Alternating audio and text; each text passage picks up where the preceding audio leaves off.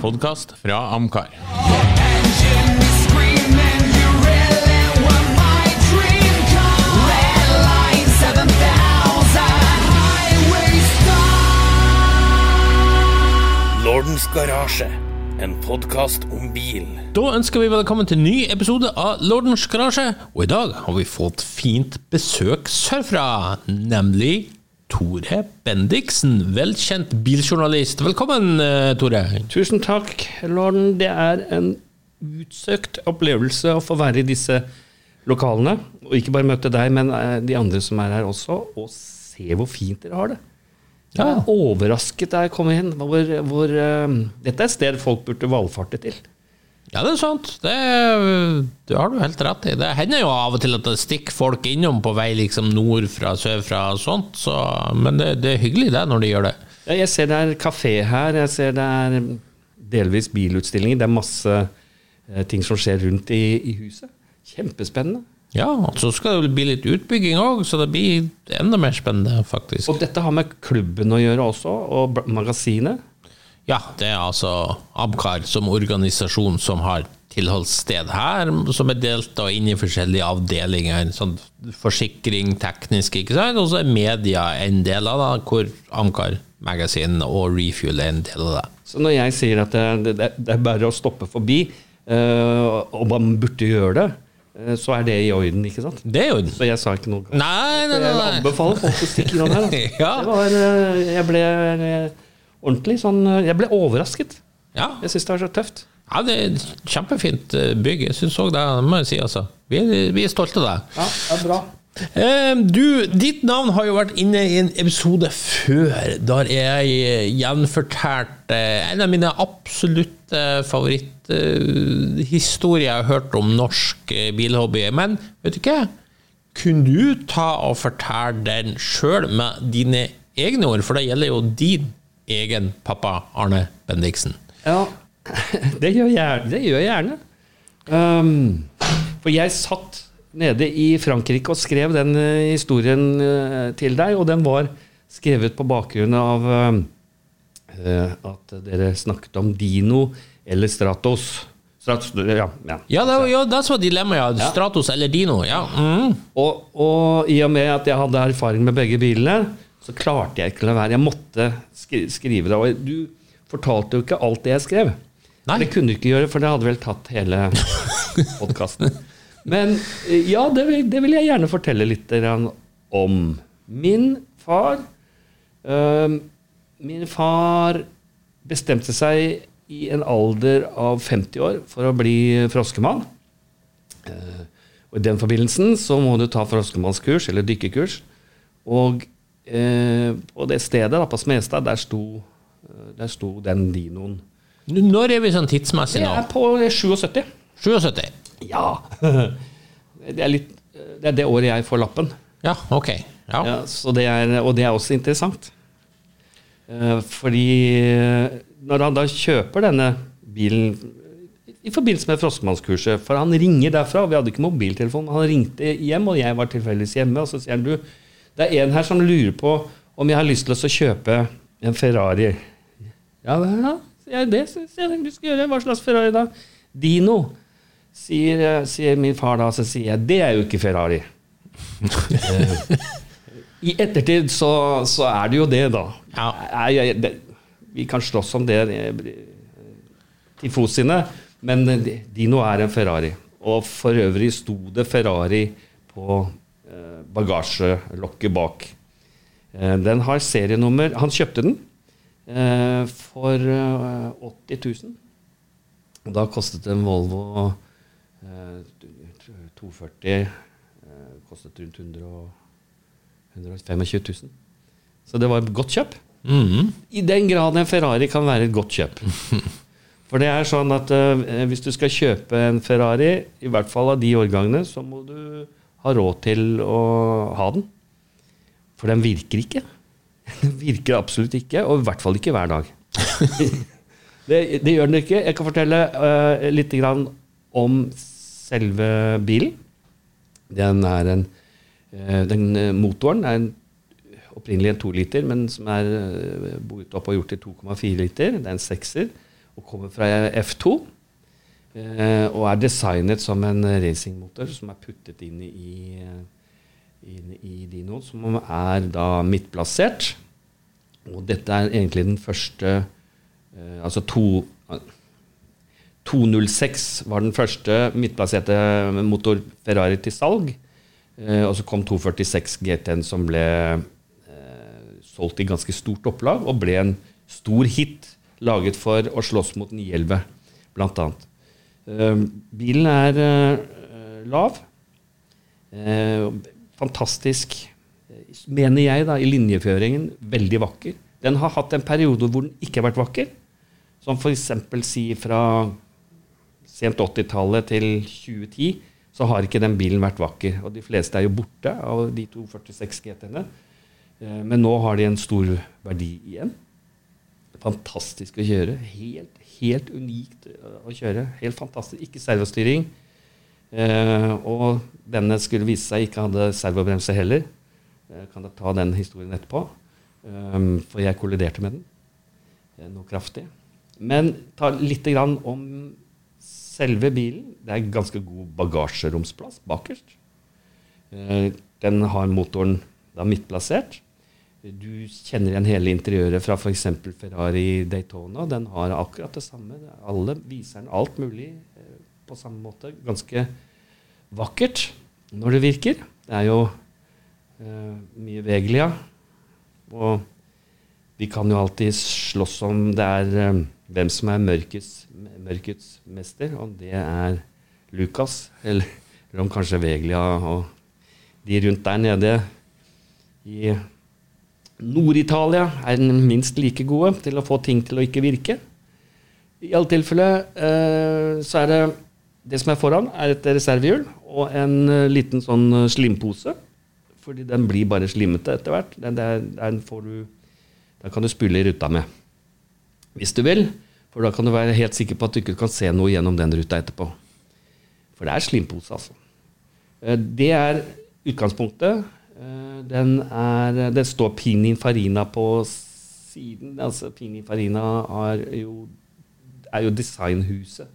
Jeg er ikke sikker på hvem som står bak selve, eh, selve designen på bilen.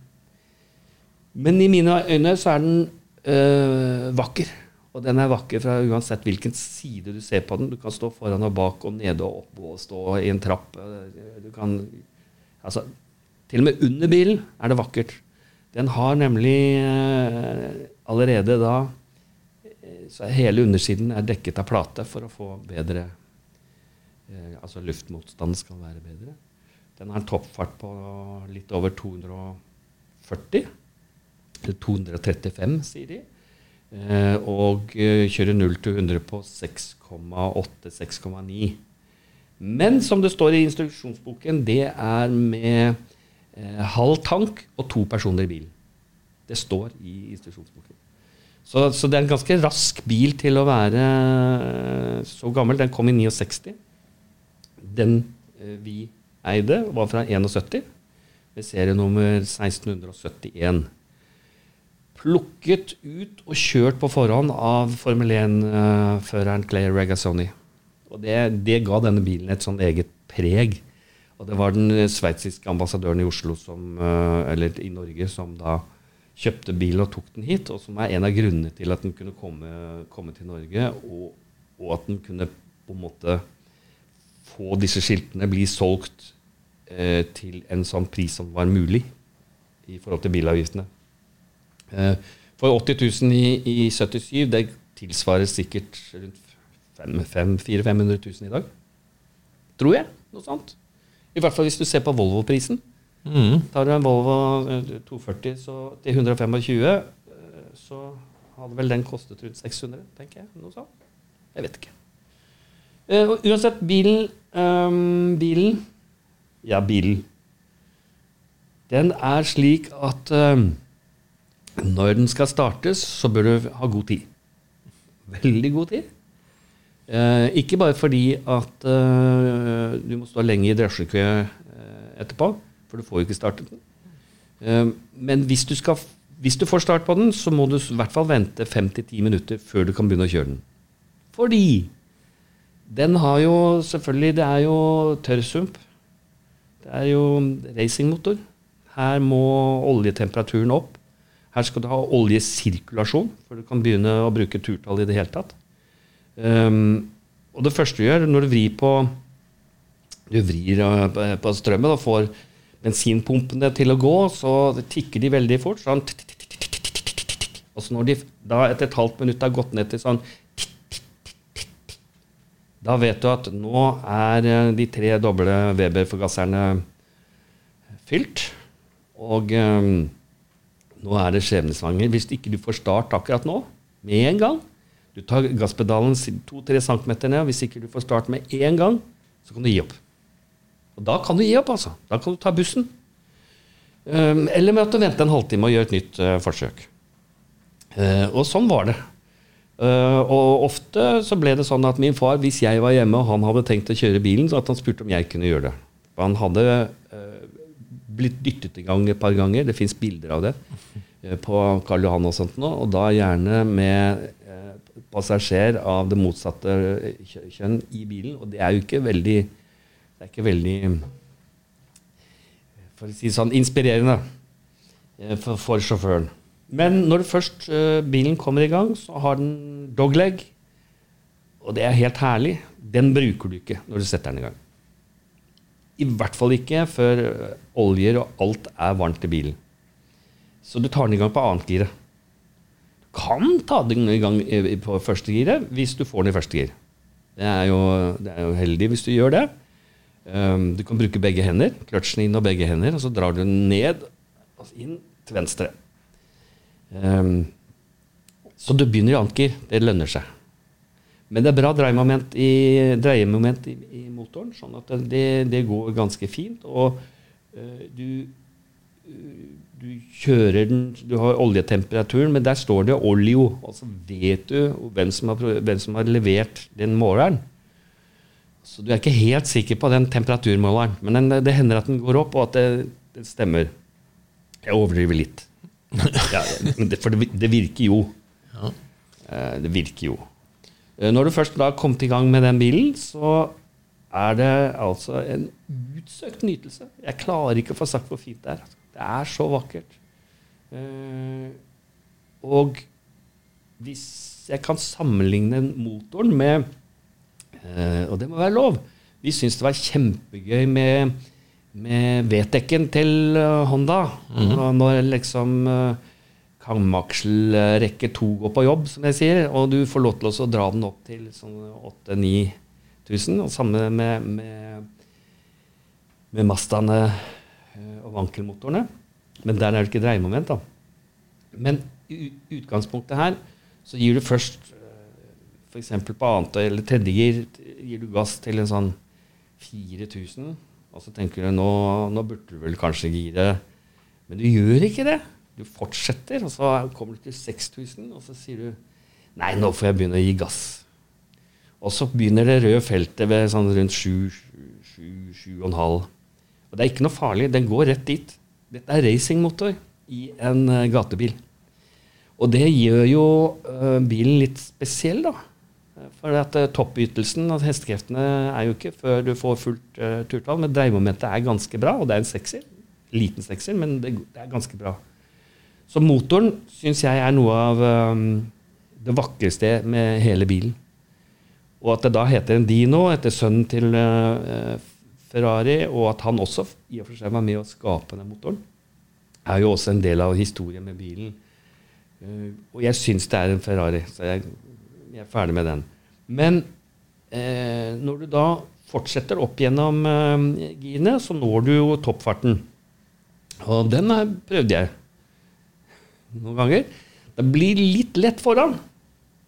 Det er ganske bra aerodynamikk, men sånn, når speedometeret viser litt over 240-250, for det er jo Veglia, og den må vise En feilvisning er det jo uansett. Ja.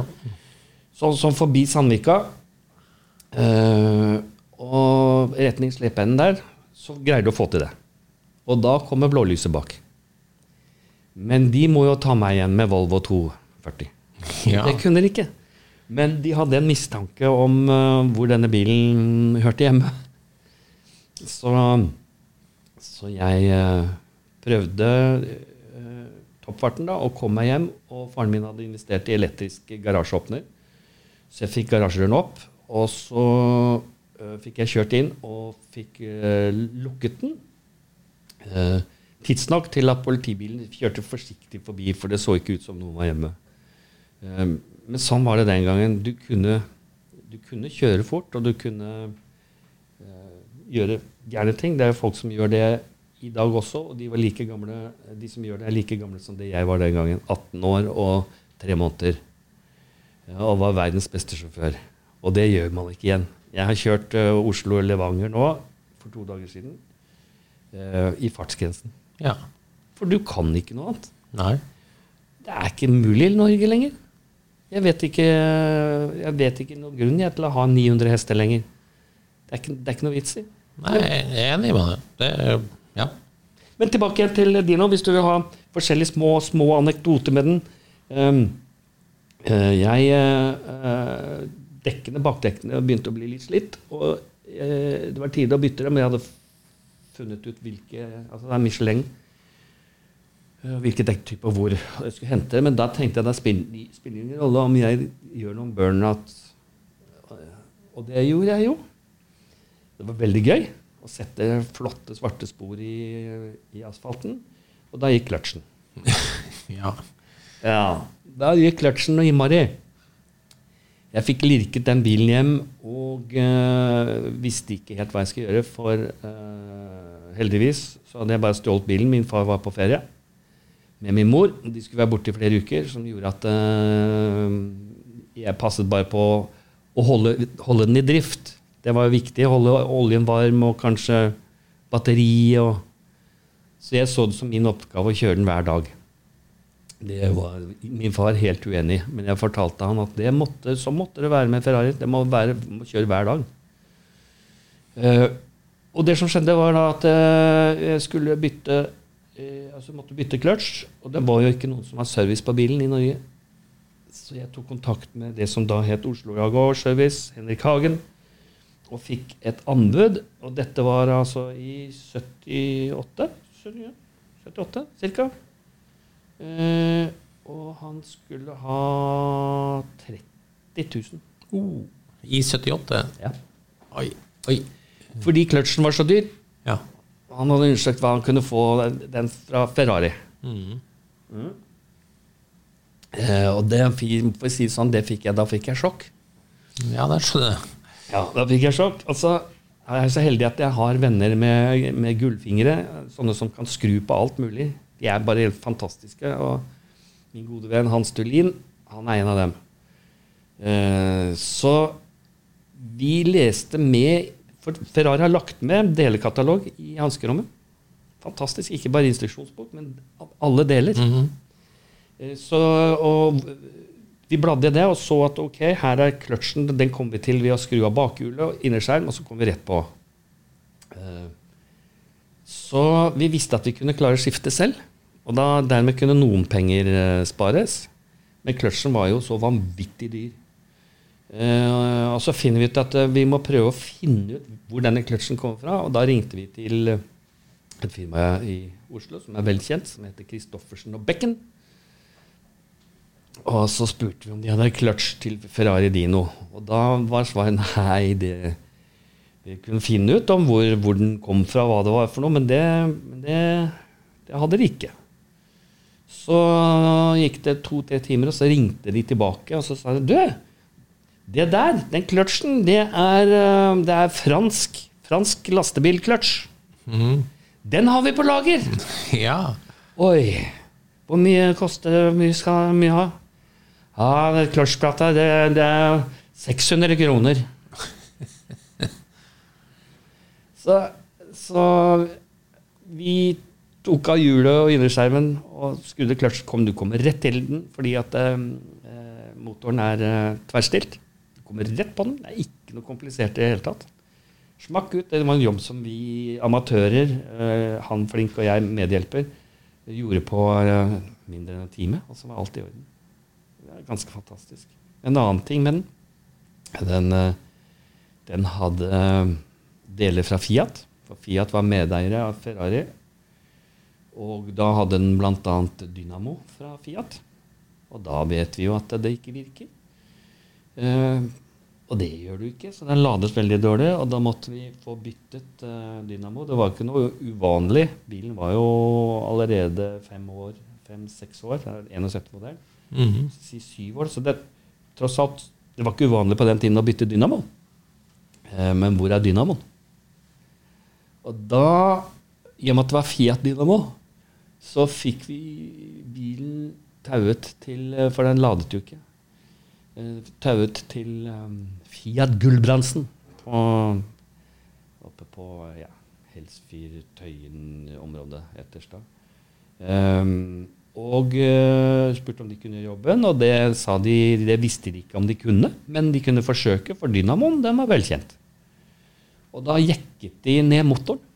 Det, hele arbeidet det tok, en, eh, det tok flere dager, faktisk. Og regningen kom den gang på å si at dette var 78-79, 78 mm, rundt der. Så den kom på 12 000-15 000 kroner. Og, da kostet dy- Dynamoen 2,5 eller noe sånt. sånn. Altså slik at det var arbeid. En eh, underlig opplevelse, eh, selvfølgelig. Og faren min begynte å skjønne at det kan være kostbart å, å, å ha Ferrari. Jeg hadde fortalt ham da om kløtsjen. I og med at vi fikset det, så fortalte jeg det. Det var mye jeg ikke fortalte og jeg gjorde med bilene hans, men det, det som gikk bra, fortalte jeg ham. Um, så var jeg på ferie i Frankrike. Ikke i Dinoen, um, men i eh, Manta. Opel Manta, må vite. Serie A. 1900 SR. Det er fin bil, det. Det er fin bil. Ja, fin bil. Det er sant. Ja. Um, og eh, jeg likte ikke Solberg så mye, så jeg eh, tu- tuslet inn, for der var det Ferrari-verksted og Ferrari-utstilling. Er du litt bilinteressert og vet at det er en bilforretning i nærheten som viser eh, ting som en eh, 18-19-20-åring er interessert i, så er det jo bare å prøve å komme seg inn døren. Det gjorde jeg, og så kom jeg i snakk med de som jobbet der. Og jeg fikk etter hvert lov å også tasse ut på verkstedet. Um, fordi der var det jo flere Ferrarier og Maseratier og andre eksklusive biler som var på, til reparasjon. Og det var jo interessant. Og så spurte jeg etter hvert da uh, angående å bytte dynamo på en eh, Ferrari Dino. Hva, hva innebærer det? Hva, my, my, hva koster det å gjøre det i Frankrike? Ja, du var bare så nysgjerrig på Ja. forskjellen, liksom. Ja, Norge og Frankrike. Ja. Sant? Ja. Forskjellig pris, først og fremst, for Norge var jo dyrt. Og da eh, sa han at det kom på eh, inklusive Dynamo. Så vidt jeg husker, så sa han 1600 franc. Så øh, Hvor, hvor mye var det, sånn sikkert? Kroner? det var en krone, var- en krone var en krone og ti. En krone ja, altså Det var litt mer enn norsk krone. Ja. Så jeg, sa, så jeg svarte jeg sa, ikke, Du mener For jeg tenkte ok, han er ikke så god i engelsk, og jeg er ikke så god i fransk. Så du, jeg mener eh, six- 16,000.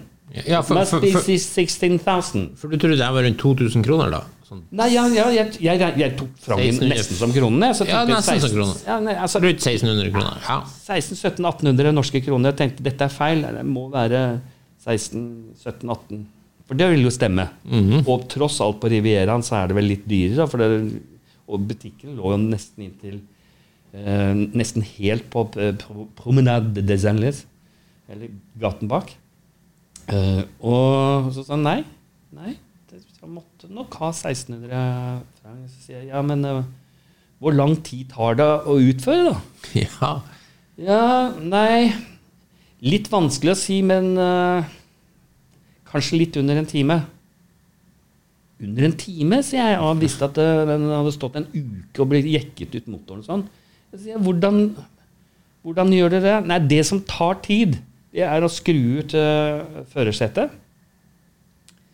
Eller passasjersetet, jeg vet ikke hvilket, men å skru ut setet. Uh, og så er det noen få skruer til bakveggen. Og når bakveggen er ute, så er det et lokk. Og Der er det to skruer, og så er du rett inn på dynamoen. Og så skal du selvfølgelig da legge remmen og sånn, men det går helt fint. Det er plass til. Så det mesteparten av tiden det tar å bytte dynamo på, på en Dino, det er å skru ut setet og bakveggen. Ja. Og kontra Og det da, da fortalte det meg en annen historie, at um, det er veldig greit også å ha en bil på service hvor de kan ta service på bilen. For det blir jo bare sånn fantasier. Altså, Oslo Agar Service kunne også ha sjekket med Christoffersen og Bekken. Og uh, Gulbrandsen kunne jo ha ringt eh, til eh, Ferrari og spurt eh, kan dere bare fortelle oss hvordan vi bytter dynamo. Men det ble sånn på lykke og fromme Og sånn er det jo heldigvis ikke i dag. I dag er det jo en ordentlig på Billingstadsletta en ordentlig Ferrari-forhandler og verksted. eh, Som helt sikkert vil klare en Dino også, for de får jo bare arbeidstegning. Mhm. Jeg eh, hadde ulykke med den. Ja, da nevnte du at det skjedde noe der. Ja, men Det var den gangen bremsene ikke virket. Hva som skjedde da? Nei, det er jo Det skal jo være et sånt visst vakuum. øh, øh, Det skal jo liksom være det, da. Så når du trykker inn, så får du trykk. Det er hydraulisk. Det er jo ikke vakuum, men det er trykk. Og så når det ikke virker, og om det var lekk, det vet jeg ikke. Jeg aner ikke. Men øh, det funker bedre på høyt turtall. Så jeg kjørte jo til Smestad, jeg skulle stoppe på Smestadkrysset med eh, en i bilen. Og var nok ikke veldig oppmerksom heller, og så måtte jeg trykke på bremsen. Men da bremset den ikke. Eh, og da kjørte jeg under en Toyota Corolla. Og under den Toyota Corollaen, den eh, hadde hengefeste. Og den skar seg tvers gjennom panseret og opp til eh, nesten til frontruten. Ferrari Dino var ganske lav. Ja. Og det er faktisk mulig. Det var vel ikke så mye crumple zones der foran Nei, det var ikke det. Det var ikke det.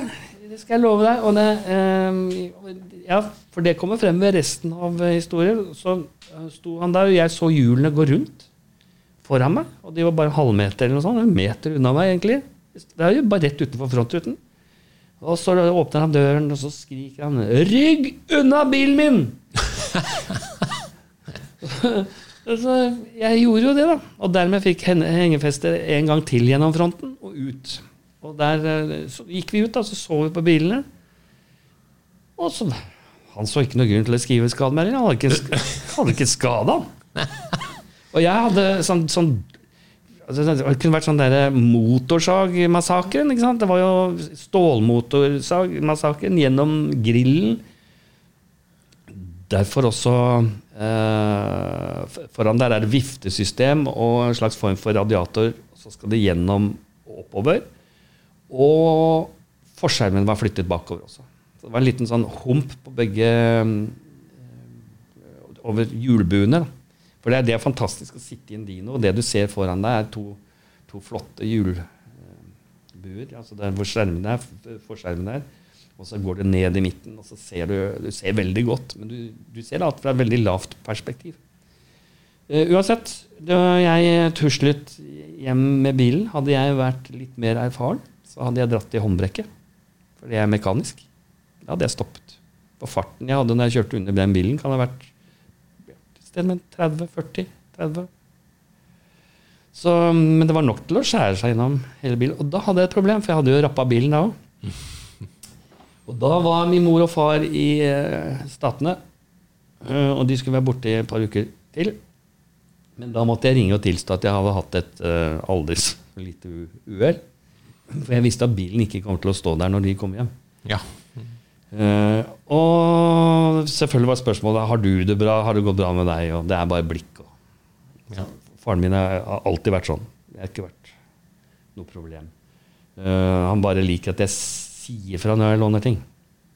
Ja, det var ikke alltid jeg gjorde det. Men i alle tilfeller, eh, da kommer vi til neste kapittel i Dino-historien, og det er eh, det må repareres. Og som jeg sa, det er jo ikke akkurat noen merkeverksteder. Og hvor skal man levere inn denne? Eh, og det var ingen som kunne påta seg jobben. Så ble det av forsikringsselskapet de gjorde undersøkelser. Eh, og fant ut at den eneste som kunne gjøre denne jobben, det var en kar som heter Martinuzzi. Ah, Ja, og Martinuzzi er han som har smidd Flåklypa-bilen. ja, helt tempogigante. Yes. Og han var kyndig. Han var, han var flink. Fy søren, det var en Han var jo kanskje den beste vi hadde i Norge på, på 70-tallet. Han kalte seg karosserimaker. Mhm. Han var ikke noe oppretter, han var karosserimaker. Ja. Og det måtte han være, fordi han bestilte jo Han bestilte jo da nytt panser, annet. Og måtte jigg for å trekke ut eh, fronten, delvis. Det var jo ikke et smell i veldig stor hastighet, men det var jo ikke noen krasjsoner, eh, som du sier. Eh, så eh, han fikk nytt panser, annet. Men da oppsto et nytt problem, fordi når han fikk det panseret, det kunne han like godt gått til en eller annen sånn blikkenslager og, og kjøpt et, et ja, stålflak. Fordi det kom bare som et flak. Oh. Ja, det måtte bankes. For alle Dinoer, eller alle Ferrari på den tiden, var delvis håndbygde. Det var ikke serieproduksjon. sånn. Det var delvis håndbygde, og det var gjort av F.eks. For eksempel var det han som hadde ordnet panser og banket panseret, så var det han som hadde banket panseret. Altså, her var ikke, det var ikke ferdig presset. Så det var ikke noe ferdig del. Det var bare en plate. Så Martinuzza måtte banke til og feste, og så måtte langsomt prøve å finne sånn at det er riktig eh, avstand fra sider og rundt. Og det er en møysommelig eh, jobb. Og så selvfølgelig det, det måtte han gjøre etter han hadde sveiset på festene. Det var bare på det. Det var helt vilt. Etter det så smidde han eh, noe som jeg aldri har skjønt på bilen, som er innmari interessant. Jeg klarer ikke å finne ut av det. Han lagde en bøyle over, um, over selve luftin, ikke luftinntaket, men det som da er grillen foran. Der er det en bøyle som er festet til eh, støtfangerne, som er på hver sin eh, side. Altså det er delt, akkurat som på en Rally Escort. Um, den bøylen har jeg ikke sett på andre, så jeg bare lurer på om det var noe han fant på selv, eller om det var laget spesielt til denne bilen. Om det var noe som ble gjort fra fabrikken, eller om det var noe Clay Regazzoni hadde. Den bøylen hadde vært der hele tiden. Jeg har ikke sett den på noen andre dinoer. Og den gjør bilen ekstra, den gjør bilen pen. For man kan alltid diskutere hele den fronten, det stuket på, på en dino. Det er ikke, det er ikke så veldig vakkert. Uansett, øh, han banket den øh, og øh, fikk den til å se ut som ny. Fantastisk arbeid. Og eh, lakket den. Eh, denne dino var i sølv. Og når det gjelder Pininfarina, han har blitt spurt Jeg tror det er eh, Jeg leste en gang at Jon Linding Sørensen hadde snakket med ham, men jeg er ikke sikker. Jeg tror det. Hvor han ble spurt om hvilken farge han likte best. I forbindelse med Ferrari, da. Og så sier han når det gjelder biler, så fins det bare én farge, og det er sølv. For det matcher asfalten. Men bortsett fra sølv, så er det gult. Knall gult. Og Derfor så vil du se mange Ferrarier i knall gult. Det er en signaturfarge for Ferrari, det også. Ikke bare rødt. Det var i hvert fall der før, før det ble en sånn greie på, ja, på 90-tallet kanskje, at nå skulle alle Ferrarier være røde. Det skulle være rød. Men som du sier, i gamle dager så var det jo hvit og blå og gul og grønn, alt mulig. Ja, ja. En av de store samlingene i England, han har, har jo hvitt. Han land, eh, lakker dem jo om, om i hvitt. Det er bare hvitt. Bare Ja, han er fra Top Gear. Ja, Ja. ikke Top Gear, men- ja, men han var innom Top Gear. ja, den sesong én etter at de Ja. Clarkson Hammond May fikk sparken. Ja. Han Eller det var vel Clarkson fikk sparken. også. Ja. Ja, han hadde jo en bra samling. Chris Evans, hva det han ja, heter? Ja. Mm. Alle hans er hvite. ja. Jeg tror til og med han lakker dem om i hvitt. Ja, hvis han kjøper Ja, jeg tror også det. Han lakka dem om, med hvitt. Det er litt sånn bisarr greie. Men, men eh, hva som skjedde med dinoen til slutt? Er det, det forsvant vel ut av Ja. familiens eh, Hva skjedde med Dinoen til slutt? Jo, det som eh, skjedde med vi, eh, Min far ble jo eldre. Han kjøpte denne bilen som 50-åring, og dere har jo hatt podkast når det gjelder det. Det er noe som heter midt... Eh, altså den derre midtlivskrise? Ja. Eh, ja, jeg vet ikke. I garasjen så sto det jo også en XJ6 ja. ved siden av. Så det var litt av en garasje å åpne. Det står Dino til venstre og en Jaguar XJ6 til høyre. Det er flott på den tida. Ja. Det Og jeg var 18 år. Ja. Det, jeg tror ikke det var så mange 18-åringer som hadde bedre tilgang til det. Nei, jeg tror ikke det. var det, det var eh, fantastisk. Eh, og da må man ikke tro at jeg kommer fra sånne der fantastiske eh, kår. Jeg vokste opp i en, en, eh, et hus på 110 kvadratmeter i tre etasjer og, og do i kjelleren og sånt. Nå. En gammel stall, nesten. Fra, eller ja, fartshus på Lysaker fra altså 1890-tallet. Så det er ikke sånn godt. Det er ikke, det er ikke, det er ikke, det står ikke alltid Ferrarier og Jaguar rundt, men det bare skjedde noe på et tids, tidspunkt i tiden. En historie rundt Jaguaren også. Den fikk han også billig. Av Gunnar Eik. Som da var Mitsubishi, eller han jobbet for British Leyland, og de holdt til på Bjerkebanen. Og han ville ha kjente folk til å kjøre bilene. Det var en form for å, å markedsføre seg. Så det var sånn- ja. var sånn Jaguaren kom inn i huset. Senere ble det jo tre Jaguarer. Men uansett. eh, Faren min skjønte at uh, han fikk uh, etter hvert hjerteinfarkt og sånn. Og skjønte at han kunne ikke sette seg ned og kjøre denne bilen. og Han visste jo hvor glad jeg eh, var i biler. Eh, så han sa at eh, den kunne jeg få som forskudd på arv. Og så ble min bror spurt om det var i orden for han.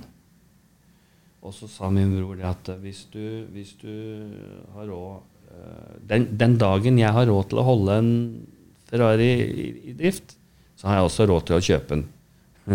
Så det er helt i orden. Men så skjedde følgende at eh, vi, ble kontaktet av eh, en biloppkjøper eh, med kontakter til Holland, som gjerne ville kjøpe bilen. Hvordan de hadde funnet ut av det, vet jeg ikke. Men det, var jo i og for seg en kjent sak at Arne Bendiksen hadde en Ferrari Dino. Ja, men her må det jo legges til for de som kanskje ikke helt skjønner det store bildet. Arne Bendiksen var jo en særdeles kjent Ja. mann i Norge på denne tida. En mann som ofte profilerte altså i Se og Hør, og i, ikke sant, i media, på TV, ikke minst. Så det, det er jo en, en rikskjendis vi snakker om. Ja da. Jeg pleier å forklare det for, for nye seere nå at uh, dette er fra sort-hvitt-tiden. Um, og, og du hadde kjente folk, som f.eks. Kongen. Du hadde Erik Bye. Så hadde du Arne Bendiksen, f.eks. Og så hadde du Erik Bye. Og så hadde du Kongen. Og så hadde Arne Bendiksen. altså det var i det hele tatt ganske få kjendiser. Og særlig innenfor musikkindustrien var jo han en eh, Han var skaperen av norsk popmusikk, sier de. Ja. Den starter med en sang som heter 'La meg være ung'. Mhm. Um, som han har skrevet både tekst og melodi til. Men Så han var en ganske profilert person. Det var han også, og jeg tipper Gunnar Eik eh, på British Leyland og, Mitsubishi var kjempeglad da han mistet lappen eh, for noen uker i eh, Jaguaren. Det er også en fantastisk historie. Det er bra markedsføring for, for, for Jaguar, altså. Men i alle tilfeller Vi blir ringt opp og sier min far du må ringe til min sønn, for det er han som da har overtatt bilen. Eh, og så sier denne fyren Dette er da i 1986. 1986. Han sier han, han tilbyr da en pris på rundt 400 000. Og så sier, sier, sier jeg eh, det er, det er ikke så interessant. For det er så dyrt også å ta inn Ferrari til Norge. Så um, det, det er bare tilfeldighet at jeg sitter på rettighetene til denne bilen, sier jeg. Så det kan jeg ikke gjøre. Og så går det en, eh, noen måneder, og så ringer det en, en nederlender til min far, og han får samme beskjed. Du må ringe min sønn. Og så ringer han og så sier han det at eh, jeg, jeg kunne tenke meg å kjøpe denne bilen. Og så spør jeg hvorfor. Når du kan kjøpe rimeligere dinoer på kontinentet. Jeg visste godt, jeg abonnerte på Automotor og Sport. Mhm. Leste jo bilannonser eh, like mye som jeg leste bladet. Eh, og jeg visste hva det, hva det lå på. Det lå på sånn rundt 200, 250 hvis de var veldig bra. Og her skulle liksom tilbudet være 400 000. Så jeg skjønte ikke hvorfor. Og så sier han nei, det skal til en prins i, i Saudi-Arabia. Jaha. Så money is no object. Nei vel, sier jeg. Men jeg Selger ikke for 400 og- Ja, hva med 450 000, da? sier han. Nei, det går ikke. Ferrarier er så dyre i Norge. Det kan bare glemme. Så gikk det to-tre uker. Og så ringte han igjen og sa han, du, det gjelder den kjøpet av den Ferrarien. Ja, sier den er ikke til salgs. Ja, men hva med, hva med, hva med 600 000, da? Jeg sier nei, den er ikke til salgs. Ja, men 700 000, da? Nei, sier jeg, den er ikke til salgs. Ja, men hva med 750 000, da? Ja, nå er den solgt. Og de pengene tok jeg selvfølgelig ikke til meg selv.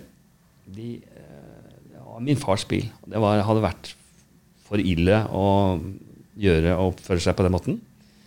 Å få det som eh, forskudd på arv, og så selge den eh, for en sånn sum. Så min far fikk alle de pengene, og da kjøpte han en, en, Buick Le Sabre. Den typen Buick Le Sabre som har bakhjulsdrift, forstår du. Den har forhjulsdrift, men han mente den hadde bakhjulsdrift. Veldig god på vinterføre. Ja, sier jeg, den har forhjulsdrift. Nei, den har ikke forhjulsdrift. Jo, den har forhjulsdrift. Ja, elsket den bilen. Han hadde den til sin død. Um, fantastisk. Den var, jeg likte den også godt. Nydelig Le Sabre fra 88. Mm -hmm. burgunderrødt. Like mye burgunder på utsiden som på innsiden. Flott bil, syns jeg det var. Vet du om det finnes i Norge fortsatt? Ja, den, eh, eh, En av de ansatte på Rockheim kjøpte den. Den var veldig rust, rustet etter hvert. Eh, så jeg vet ikke om han har tatt vare på den. og sånt. Så den er egentlig borte i gata her. Akkurat. Ja. KZ-skilta fra Bergen. Men uansett kjøpte han også da en Jaguar XJ SE. Um, for, altså kjøpte to biler for, for, for, eh, fordi to, denne jaggen var eh, vel ett år. Så han la til litt. Men uansett, da, så Ferrarien den eh, er sannsynligvis i en samling i Saudi-Arabia. Ja, du har aldri sett den igjen? Jeg har aldri sett den igjen. Nei, Den har serienummer eh, 1671. Ja, Og du har aldri sett den i noen sånn auksjonskatalog, eller Nei. nei. Men eh, Ferrari oppgir jo ikke eierne, men eh, de har jo et, de har eh, hele tiden et register Ja. på, på hvem som eier. De har det. Så hvis man, eh, hvis man bare hadde en eller annen sånn inngang på det, Mhm. så kan det jo godt tenkes at uh, PR-avdelingen til Ferrari ville være behjelpelig. Men uh, de, de er ikke det. Nei, de, er, nei, det de er er italienere, og de jobber i hvert fall for Ferrari. Ja. De, er ikke, de tar ikke mot hvem som helst med åpne armer. Nei, pluss at det skal jo være diskresjon, selvfølgelig. Ja, voldsomt. den som eier den nå.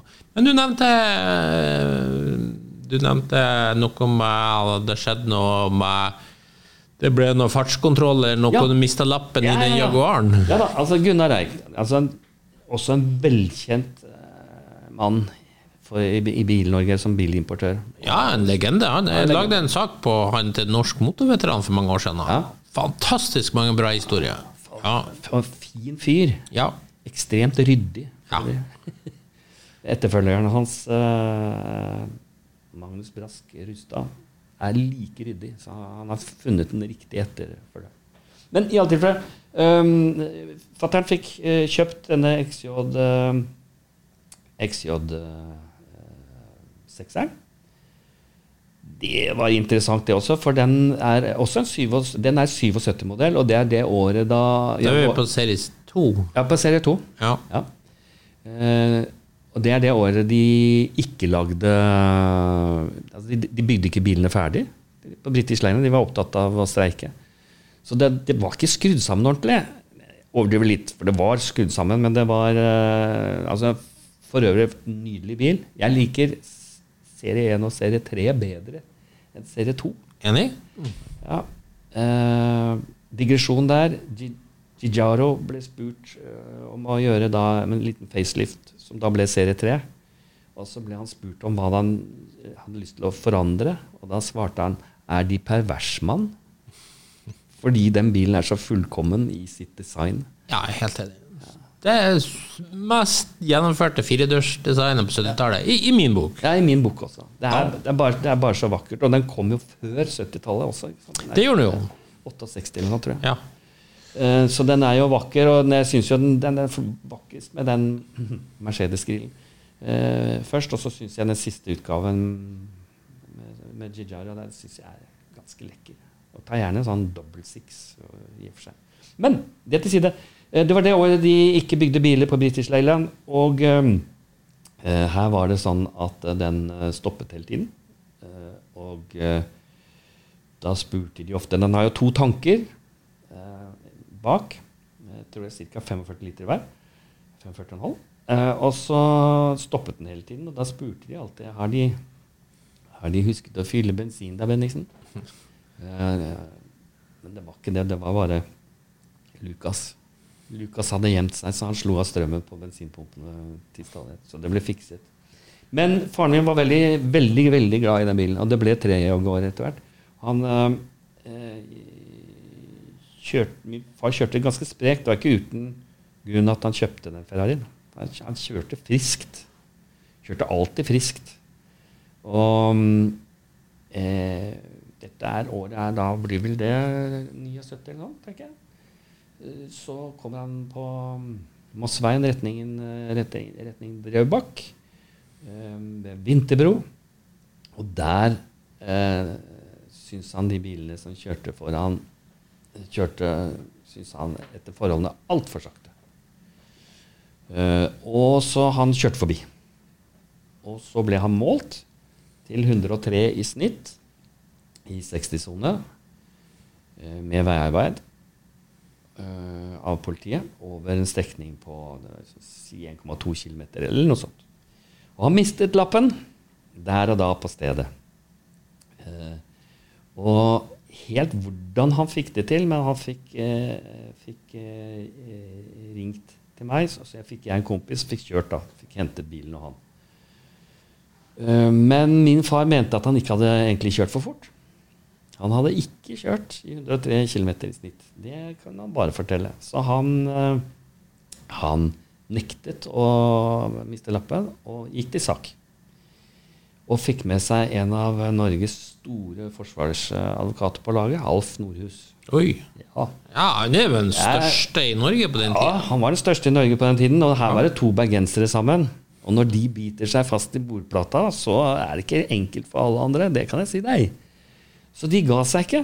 Nei, de eh, Nordhus pelte fra hverandre den eh, forklaringen til politiet. Eh, på to måter. Helt fantastisk. Det ble masse skriveri om dette, her, fra Se og Hør og til VG og Dagbladet. Alle var på denne saken. For det var gøy å henge ut en kjendis, og særlig når to kjendiser, for Alf Nordhus var det. Også eh, når han forsvarer den andre bergenseren, eh, og de skal i tingretten, så blir det oppslag av dette her. Men eh, Nordhus han eh, klarte følgende eh, å pelle fra hverandre politiforklaringen.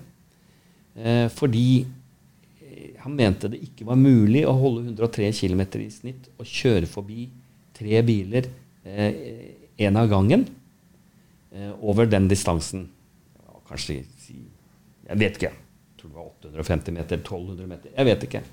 Men det mente han var umulig.